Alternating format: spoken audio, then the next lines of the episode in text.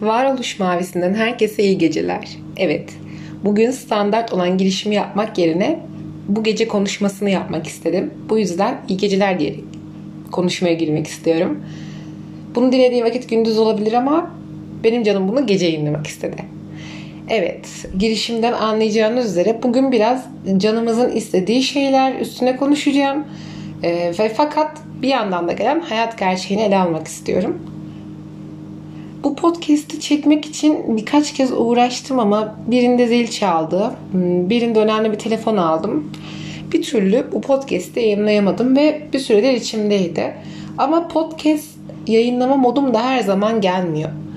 Ee, gerçekten burayı bir iş olarak görsem de yaptığım işi seviyorum ve öylesine bir şeyler yapmaktan hiçbir zaman hoşlanmadığım için öylesine bir anda yayınlamak yerine, içi boş olan şeyler yayınlamak yerine ilham perilerimin geldiği bu vakti değerlendirmek istiyorum sayın dinleyiciler.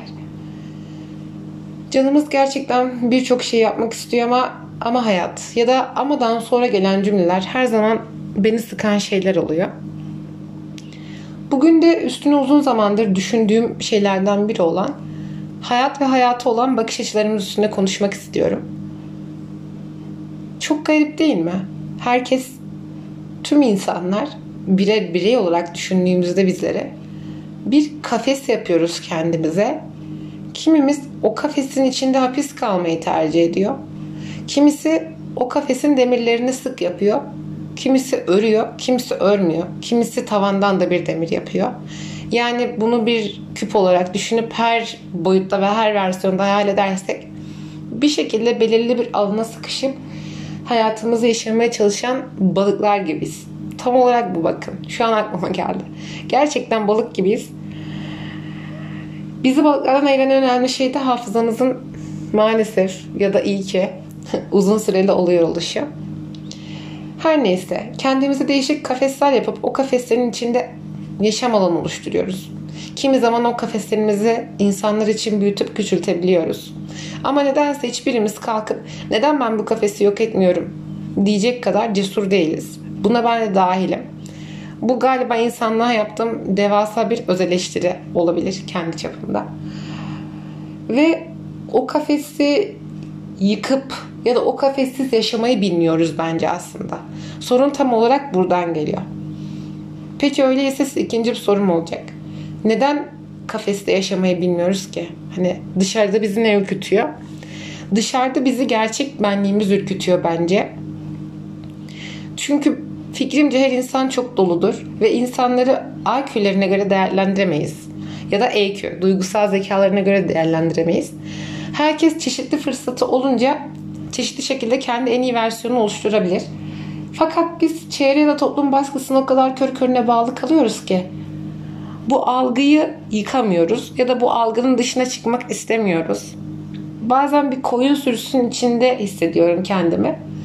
Diğer koyunlar beyazsa ben ve benim gibi düşünen yakın çevrem olsun, tanıştığım insanlar olsun bu koyunlardaki siyah sürüleriz aslında.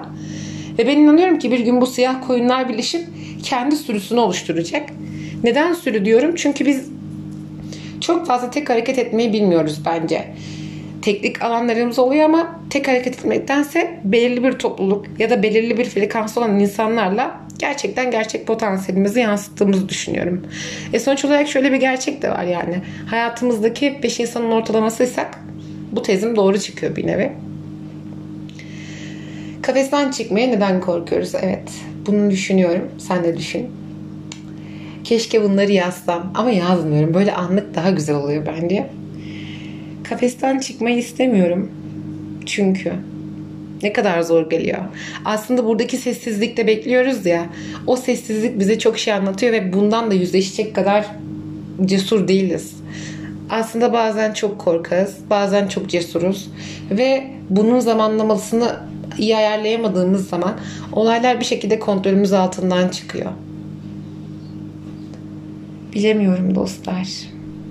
Bazen düşünceler, düşünceler o kadar çok düşünüyorum ki gerçekten ve buna harcadığım enerji bana o kadar çok haz veriyor ki.